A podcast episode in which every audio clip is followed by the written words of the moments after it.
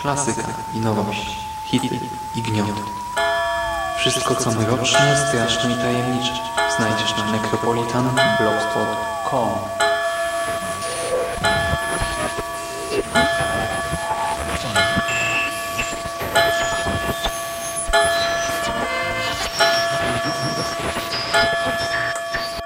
Witam w nawiedzonym podcaście.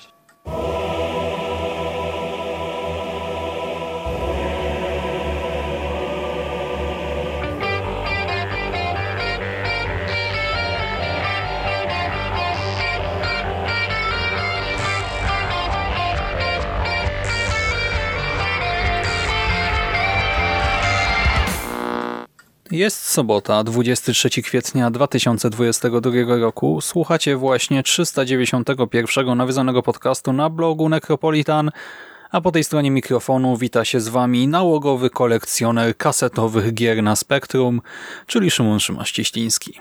Witam serdecznie. Rzadko omawiam tutaj premiery z Netflixa, ale tym razem tak się stanie. E, w dodatku pojawi się nawet delikatnie weirdowy wątek, e, którego w sumie się absolutnie nie spodziewałem, ale to bardzo dobrze, bo za tydzień e, wrócimy do takiego twardego weird fiction.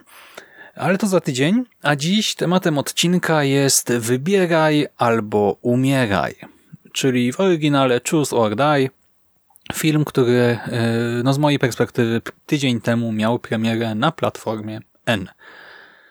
Z waszej perspektywy może trochę wcześniej. E, mam nadzieję, że ten podcast poleci w miarę szybko, ale nie obiecuję. W każdym razie Choose or Die to debiut reżyserski Tobiego Mikinsa. Scenariusz y, też Mikins pisał, ale nie samodzielnie, bo wspólnie z producentem i scenarzystą Netflixa Simonem Allenem oraz jeszcze z innym producentem filmowym Matthew Jamesem Wilkinsonem. I tak właśnie powstała historia Kaylee. Kayla, główna bohaterka tego filmu, jest e, no, nastolatką, młodą kobietą, która rzuciła college, po nocach pracuje jako sprzątaczka w wielkim biurowcu, za dnia odsypia, e, dorabia, e, naprawiając stare konsole i gry i zajmuje się matką. Matką, która funkcjonalnie jest wrakiem, nie chodzi o to, że jest jakoś obłożnie chora, nie wiem, maraka, etc., ale e, no nie spełnia się absolutnie jako matka. Kilka lat wcześniej utopił się jej syn i tym samym też brat Kaylee i od tamtej pory kobieta no nie tylko nie pozbierała się do kupy, ale też uzależniła od narkotyków i tym samym od miejscowego dealera Lensa, który będzie tutaj jednym z takich powiedzmy czarnych charakterów. Kayla ma więc przekichane na wielu poziomach, e, bo właśnie e, no nie wie do końca, co z tym swoim życiem zrobić. Rzuciła ten college, jakoś tam sobie dorabia i radzi, no ale perspektyw zbyt y, dobrych przed sobą nie ma. E, zajmowanie się domem też e, jakoś tam wyczerpuje i wymaga pewnych nakładów finansowych, czasowych, etc. Do tego ten e, dealer się do niej dostawia i to w taki niezbyt przyjemny sposób. No i tak naprawdę jedynym źródłem wsparcia Kaylee jest jej kumpel Isaac, czyli no chłopak w jej wieku, nerd, IT freak, fan filmowych horrorów, programowania, gier i aktywizmu, e, aktywizmu z epoki Cult of the Dead Cow. E, chłopak zbiera i naprawia właśnie te stare konsole i gry. Kayla mu trochę w tym pomaga, tak sobie też dorabiają. No i wśród jego nowych znalezisk dziewczyna odkrywa tekstową grę przygodową o tytule Cursor. C-U-R-S-R, gdzie E to tak naprawdę nawias domknięty trójkątny, CURS, nawias zamknięty trójkątny R. Na opakowaniu widnieje napis o nagrodzie. Wiecie, to jest stara gra, no i kiedyś rzeczywiście za dla pierwszej osoby, która przeszła jakąś grę, e, często firmy fundowały jakąś nagrodę. No i w tym wypadku mowa o nagrodzie w wysokości 100 tysięcy dolarów dla pierwszej osoby, która grę ukończy. E, w dodatku e, no jest podany numer telefonu. Pod tym numerem telefonu słychać nagranie e, głosu samego Roberta e, Englunda. E, no i w sieci nie ma ani słowa o zwycięzcy, więc Kayla postanawia po kolejnej nocnej zmianie tytuł przetestować, no bo w końcu 100 koła piechotą nie chodzi, a do tego przecież gry programowanie i tak dalej to też jest między innymi jej pasja. Dziewczyna zaczyna grę w jakiejś lokalnej knajpce w środku nocy, no i już ta pierwsza rozgrywka pokazuje, że Cursor, czy też, nie wiem, przeklinacz, e, to nie jest zwykła gra. Po uruchomieniu e, ta tekstówka opisuje nie jakąś wymyśloną sytuację, a rzeczywistość wokół grającego. W tym wypadku wokół Kaylee. A wybory, których dziewczyna musi dokonać, wpływają też na rzeczywistość. Co istotne, tutaj e, Kayla nie podejmuje decyzji odnośnie tego, e, co robi jej postać, e, co ona sama by zrobiła, tylko decyduje o tym, co się właśnie roz będzie rozgrywało wokół niej. Decyzje nie dotykają jej osobiście, ale krzywdzą ludzi dookoła. No i w jaki sposób ta gra wpływa na rzeczywistość, jak to w ogóle możliwe? Z tym Kayla będzie musiała się zmierzyć z tym pytaniem, e, aby też przetrwać, bo jak głosi tytuł e, filmu, jeżeli grający nie podejmie decyzji, no to sam zginie. Tak? Na tym polega właśnie to choose or die. Albo grasz i podejmujesz decyzję, albo dzieją się pewne rzeczy i tracisz życie. Mam wrażenie, że jest to temat e, niezbyt często obecny w filmach, e, że właśnie rzadko kiedy oglądamy filmy o grach wpływających na rzeczywistość. Ostatnio trochę tych technologicznych horrorów z jakimiś aplikacjami etc. się pojawiło, ale tak naprawdę wydaje mi się, że najgłośniejszym tytułem z tej półki jest cały czas Stay Alive z 2006 roku, no bo ten koncept nie jest nowy, po prostu mówię, że w mojej opinii nie jest szczególnie popularny. 2006 rok, e, Stay Alive i powrót po latach i też pierwszy horror w sumie w karierze Williama Brenta Bella. E, Bell potem nakręcił The Devil Inside, e, po polsku to chyba były Demony, The Boy, tak, i potem sequel, a teraz bodajże pracuje nad prequelem Sieroty z Isabel Furman, bo nie wiem czy wiecie, ale Sierota Orphan będzie miała prequel, o czym mówiono już od dawna, no i teraz jakiś czas temu wypłynęło, że to Bell ma się tym zajmować i e, niby tak się rzeczywiście dzieje. No zobaczymy. Sierota była świetna, e, ale prequel, no nie wiem, nie widzę tego, bo właśnie największa zaleta Sieroty już zniknęła, tak już wiemy co i jak, no ale nieważne. Odpływam od tematu. Stay Alive. Nie zachwyciło krytyków, ale osobiście przyniosło mi sporo frajdy, a tutaj Choose or Die idzie o krok dalej, E, w fabule, bo e, w Stay Alive, jeżeli ktoś przegrał w grze, giną w rzeczywistości, a tutaj e, gracze mają sprawstwo. Tak jak powiedziałem, Kayla dokonuje pewnych wyborów, nie ginie po prostu jako postać w grze i potem jako postać na żywo, tylko dopóki gra może normalnie funkcjonować i może też spróbować, jak ta gra działa, wyjaśnić.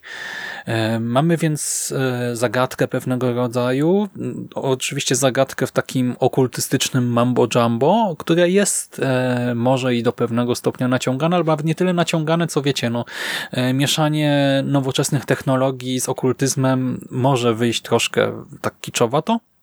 Wydaje mi się, że tutaj mimo wszystko jest to akceptowalne, nie przekroczono tej cienkiej granicy i do tego E, to Mambo Jumbo daje całemu teen horrorowi, no bo to jest taka młodzieżówka, taki lekki posmak weird fiction. E, bo ta gra, Cursor, ma pewien związek z kosmiczną grozą. Jest dziełem ludzi, ale jednocześnie czymś z innego świata, z przestworzy. Jest takim odpowiednikiem, nie wiem, jakiegoś Necronomiconu, tak jak w innym horrorze moglibyśmy mieć kultystów, czytających, e, czytających jakąś e, czarną księgę i odprawiających rytuał, tak tutaj mamy programistów, powiedzmy, którzy stworzyli tę grę. I taka renarracja klasycznej opowieści niesamowitej do mnie całkowicie trafia, tak? Doceniam już samą odwagę, tak, że ktoś spróbował to, to zrobić, a do tego jeszcze tę niesamowitość pewnego rodzaju okraszono dawką horroru cielesnego i gore, E, które są obecne e, no chociażby w pierwszej połowie filmu dość mocno, potem Różnie z tym bywa, e, ale na początku to robi naprawdę duże wrażenie. W ogóle pierwsze dwie gry, czy też pierwsze dwa etapy, bo mamy jedną grę i ona jest podzielona na pięć leveli, jeżeli się nie mylę. I pierwsze dwie są genialne. E, gdyby tak naprawdę ten film utrzymał poziom pierwszych dwóch rozgrywek do samego końca, to ja bym teraz go wychwalał pod niebiosa pewnie.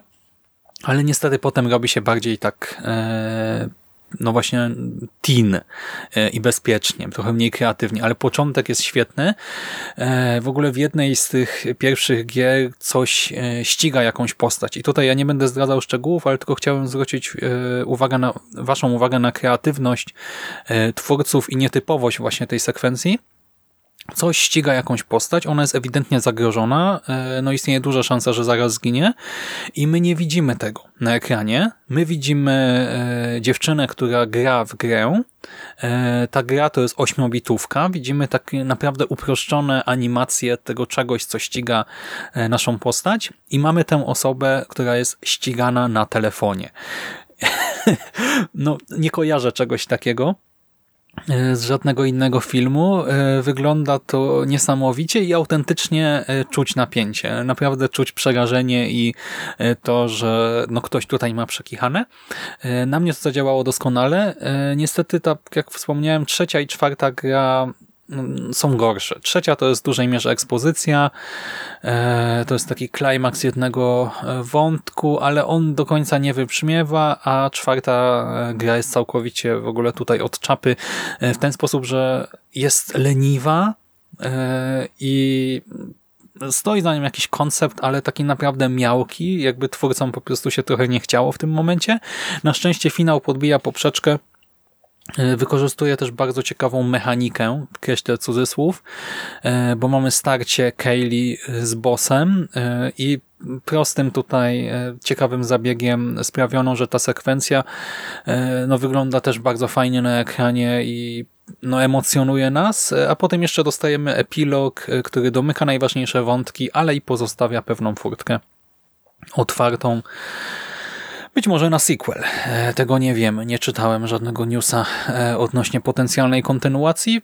Mm, no i zanim właśnie skomentuję tutaj jeszcze troszkę tę fabułę, e, chcę powiedzieć, że aktorzy są w porządku, ale no, ciężko powiedzieć o nich coś więcej, bo ani Ayola Evans jako Kayla, ani Eiza Butterfield jako Isaac nie powalili, nie powalili mnie na kolana. Ja też nie widziałem w sumie cały czas ani Hugo, ani Endera, więc w przypadku Butterfielda nawet nie mam za bardzo porównania.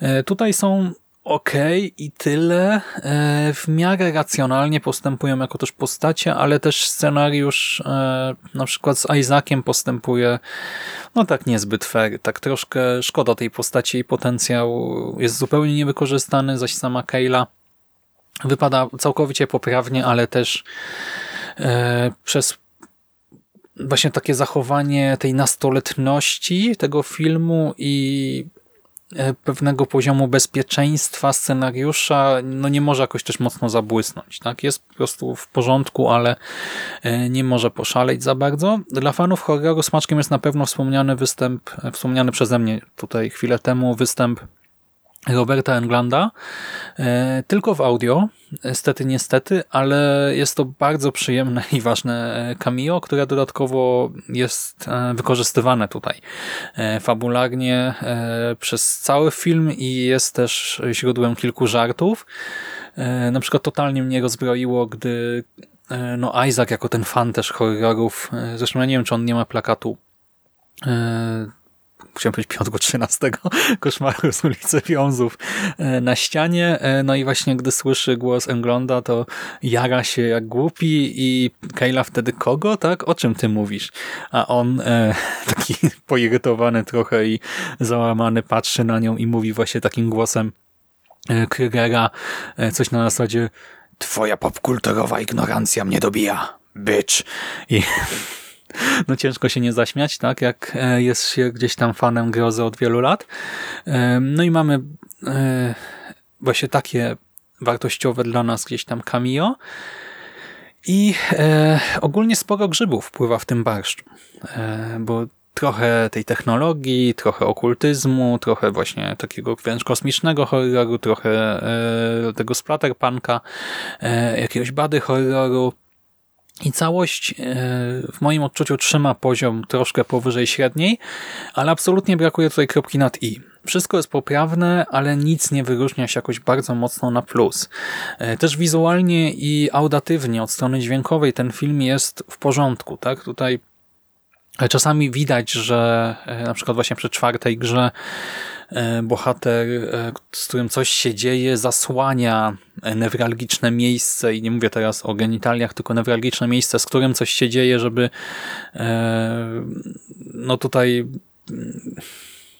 nie wiem, jak, no, że, że, coś się dzieje, tak, i my mamy bardziej sobie dopowiadać niż zobaczyć. E, tam właśnie tutaj akurat horror cielesny. I mamy takich kilka zabiegów, gdzie troszkę jak gdyby cenzurujemy pewne rzeczy, czy nie wszystko pokazujemy na ekranie. Czasami to wypada super, jak na przykład z tą ośmiobitową grą, gdzie widzimy tylko animację, a bardziej słyszymy, co się dzieje. E, czasami trochę to wygląda jak cięcia budżetowe, chociaż przeciętny widz pewnie na to nie zwróci uwagi, więc może teraz też niepotrzebnie nawet o tym mówię.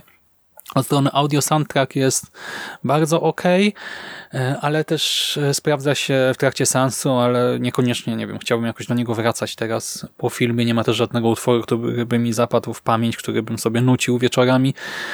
E, więc znowu, tak jest ok, ale nic się jakoś mocno nie wyróżnia i fabularnie też tak twórcy jakby nie mieli, za przeproszeniem, jaj, mówiąc potocznie, by pójść o krok dalej, bo przykładowo mamy ten dramat Kaylee, Oczywiście potrzebne, byśmy jej kibicowali, byśmy jakoś się zaangażowali y, w tę jej rozgrywkę, ale też wypadałoby go jakoś spuentować, a tak naprawdę druga połowa tej produkcji troszkę zapomina o wątku matki y, czy samego brata. Tak naprawdę y, ten wielki dramat pozostaje troszkę tak urwany, no tam mamy domknięcie pewnych rzeczy, ale takie zrobione po macoszemu, powierzchownie, tak samo Isaac, jak wspominałem, zostaje potraktowany przez ten film e, troszkę e, funkcjonalnie, e, jest nam potrzebny tam w kilku momentach, a potem też tak troszkę się od niego odcinamy, a to jest najlepszy przyjaciel dziewczyny, tutaj jedyna ostoja, więc też no tak brakło mi tutaj albo jakiegoś finału wątku z przytupem, z dramatem albo po prostu potraktowania go troszkę bardziej sensownie, poważnie. E, film w drugiej połowie też mocno się skupia na mitologii, która się klei i jest właśnie tą ciekawą renarracją, ale też e, trochę dużo rzeczy jest nam powiedziane wprost e, i im więcej wiemy, tym mniej się boimy tak naprawdę. Nawet taka horrorowa scena w momencie takiej potężnej ekspozycji nie jest już straszna, tylko pokazuje nam bardziej pewne mechanizmy rządzące światem przedstawionym i pod koniec seansu to ostatnie starcie przykładowo budzi naszą ciekawość, jest e, w nietypowy sposób też przeprowadzone, ale absolutnie nie czujemy strachu. tak? No po prostu jesteśmy ciekawi co dalej, czym to się zakończy, jaki będzie finał historii, gry, etc., co się stanie z bohaterami, ale absolutnie nie czujemy grozy, więc jako horror tutaj ten ostatni Druga połowa filmu i ostatni akt się absolutnie nie sprawdzają. Ja po seansie byłem dość usatysfakcjonowany, ale no nie jestem w stanie polecać tego filmu na lewo i prawo i też no niekoniecznie bym go polecił jako film grozy. To jest taka kategoria not great, not terrible, mam wrażenie, e, jako horror rozgrywkowy, czy w ogóle jako film rozgrywkowy po prostu. tak Sprawdza się całkiem nieźle, to początek jest naprawdę w porządku, pierwsze dwie gry Kaylee są genialne, e, są świetne, ale potem robi się zbyt bezpiecznie, trochę tak właśnie nie chcę powiedzieć, że to jest zły film, że fabularnie jakoś mocno kuleje, że tam się dzieją jakieś kłopotki, e, bo twórcy kontrolują to wszystko, ale właśnie jest bezpiecznie, tak? E, w sposób, który który ciężko, znaczy ogólnie doceniam, ale niekoniecznie w kontekście horroru i to raczej no, nie będzie jakiś przyszły klasyk kina grozy, no ale na pewno w tej wąskiej kategorii filmów o grach, które wpływają na rzeczywistość, no to będzie wymieniany pewnie obok Stay Alive, no bo tutaj konkurencji dużej nie ma. No ale czy chcecie go oglądać, czy ta tematyka was ciekawi, no to już sami zdecydujcie. A jeżeli film widzieliście, no to możecie podzielić się e, swoimi opiniami. Jak znacie podobne, no to też możecie coś polecić. Może mnie coś ominęło, no bo w sumie e, to jest taka nisza w niszy, że kto wie, może nawet wyszło kilka filmów e, gdzieś tam głośnych wśród fanów tej tematyki, które jakoś mi tam umknęły, więc wtedy będę wdzięczny za wskazanie konkretnych tytułów. A ja na dzisiaj kończę. Tak jak mówię, za tydzień pewnie słyszymy się w kontekście ciężkiego weirdu, e, a za dwa tygodnie być może widzimy się na festiwalu Grozy i Fantastyki w Łodzi. E, w EC1 na hali maszyn e, odbędzie się konwent e, stacjonarny. Jest to konwent tworzony przez zupełnie nową ekipę, nieobecną wcześniej e, tutaj w Łodzi. To nie są ludzie od kapitularza, więc e, no, ciężko jest ocenić, jak to wszystko wypadnie, no ale stoi za tym jakiś tam budżet. Też widać, no i tam trochę osób też się zaangażowało takich bardziej fandomowych. E, wiem już, że będzie sporo gości, między innymi z wydawnictwa 9, e, ale też z innych wydawnictw. Będzie na pewno Paweł Mateja na miejscu, Szymon Majcherowicz, Wojtek Gunia, Mariusz Wojteczek i kilka innych nazwisk. Zagryźcie na stronę bodajże groza i fantastyka.pl. E, jeżeli e, czujecie się trochę zaintrygowani i macie wolne tydzień po majówce, a jeżeli jesteście z Łodzi i okolic, no to w ogóle zapraszam. Ja tam na 99% będę, znaczy pewnie na 100%, ale wolę nie zapeszać. E, więc wtedy można też przybić piątkę. Zapraszam trzeba wspierać takie imprezy, tak? Stacjonarne konwenty e, po okresie pandemii. Różnie to może być z tą konwentową Polską. Miejmy nadzieję, że jednak e, te imprezy przetrwają. Dlatego o tym teraz wspominam. Ale to już naprawdę wszystko ode mnie na dzisiaj. Dzięki serdeczne za uwagę i do następnego razu.